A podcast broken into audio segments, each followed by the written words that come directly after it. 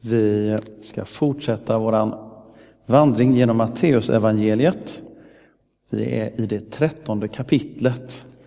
Det är Jesu liknelsetal. Så jag ska dela två liknelser som Jesus ger om himmelriket. Jesus sa, himmelriket är som en skatt som ligger gömd i en åker. En man hittar den och gömmer den igen. Och i sin glädje går han och säljer allt han äger och köper åken.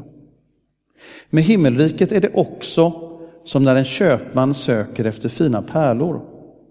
Om han hittar en dyrbar pärla går han och säljer allt han äger och köper den. Så lyder det heliga evangeliet. Lovad vare du, Kristus. Himmelriket, alltså våran relation till Gud, är det som Jesus vill tala om. Och så tar han två stycken rätt så, å ena sidan vardagliga bilder och å andra sidan rätt så överraskande. Eh, för det är ju inte så ofta som man hittar en skatt i en åker.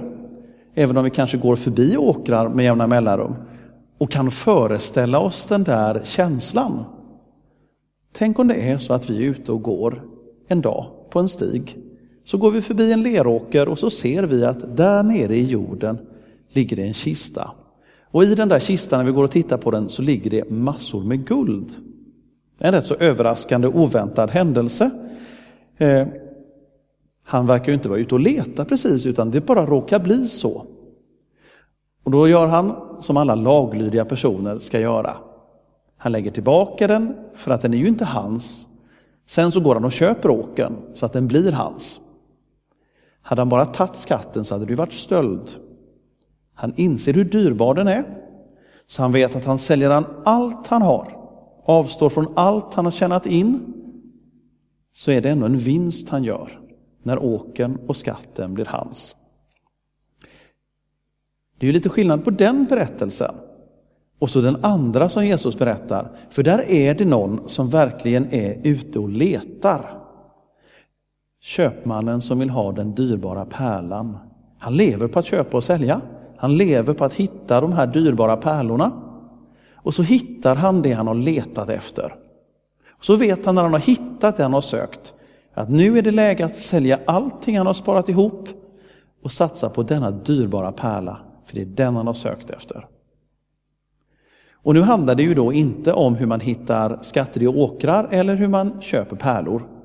Det handlar om vår relation till Gud. Det kan ju vara så att vi har hittat våran tro på Jesus lite grann i förbifarten. Vi var ute och gick i livet och allting rullade på och så plötsligt hittar vi Jesus och inser hur dyrbar Jesus är och förstår att allt det som vi har hållit på med och varit upptagna med, det måste vi lägga åt sidan. Vi måste satsa på detta med Jesus. Andra av oss kan ju vara sådana att vi har sökt och letat länge om vad som är sant, vad som är meningen med livet, hur man kommer till himlen, vem Gud är, vad som är sant. Och när vi har prövat och testat och funderat så hittar vi till sist Jesus och gör samma insikt som den som blir överraskad. Vi måste omvärdera allting vi har, vi måste anpassa oss efter Jesus. Det här är ju ett sätt att förstå liknelserna. Det handlar om att vi är de som är ute, antingen med målet att hitta Gud, eller så hittar vi Gud som en överraskning. Det är ett sätt att förstå liknelsen. Men Jesus säger inte vem det är som är skatten och vem det är som letar. Så vi vänder på det ett ögonblick. Gud är den som söker efter en skatt. När det gäller vår relation till Gud så är det Gud som letar efter oss. Och vi kanske har en väldigt dålig självbild. Vi kanske tänker om oss själva att vi är väl ungefär som en leråker. Det är inte så mycket mer med oss. Men Gud ser skatten som ligger under ytan. Gud ser att vi är mer värda än vad vi tänker om oss själva. Eller så kan det ju vara så här att vi är lite tryggare i oss själva och vet jag menar, har Gud skapat oss och älskar oss och vi är Guds avbild så är vi pärlor. Då vet vi att vi är det. Och Jesus letar. Han vill hitta. Och så hittar han oss. Vare sig vi nu är skatten dold under en massa annat eller om vi vet att vi är pärlor i Guds ögon. Och så vill Gud få oss. Så han avstår allt han har. För att han måste få köpa loss oss. Han vill vinna oss. Så Jesus får avstå all sin gudomliga härlighet och göra sig fattig och bli en människa och gå in i lidandet och bli en tjänare och till sist dö på korset. För det är så han betalar allt för att vinna oss, för att köpa loss oss. Och då har vi vänt på den liknelsen, eller egentligen så har den ju precis, det är ju samma poäng. Frågan är bara, vem söker och vem finner? Vem är det som behöver betala? Och vem är det som vi behöver köpa? Själva liknelsen säger inte vem som är vem. Båda synvinklarna har en viktig poäng. Vi behöver anpassa våra liv efter Jesus. Då handlar det om att vi avstår det vi har för att kunna vinna det som han erbjuder. Jesus ser oss och ser in under ytan och vet vilka pärlor, vilken skatt vi är i Guds ögon.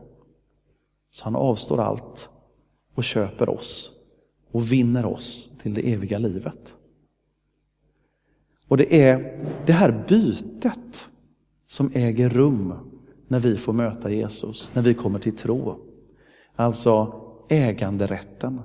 När vi alldeles strax ska be om syndernas förlåtelse, det är klart att då är det inte dyrbarheterna i vårt liv vi avstår ifrån. Det kan ju vara att vi får gräva undan lite av den där leråken, det som behöver tas bort. Så kommer skatten fram. Så att vi ser oss själva som Jesus ser på oss. Han befriar oss ifrån det som skiljer oss åt. Han betalar priset för att göra oss rena, förlåtna, fria och frälsta. Så i vår bön alldeles strax om syndernas förlåtelse det är då vi lämnar över oss själva till Jesus. Han är ute och söker. Och här låter vi oss bli funna av honom, av hans frälsning. Så låt oss nu i tro på detta vända oss till Gud med vår bön och bekännelse.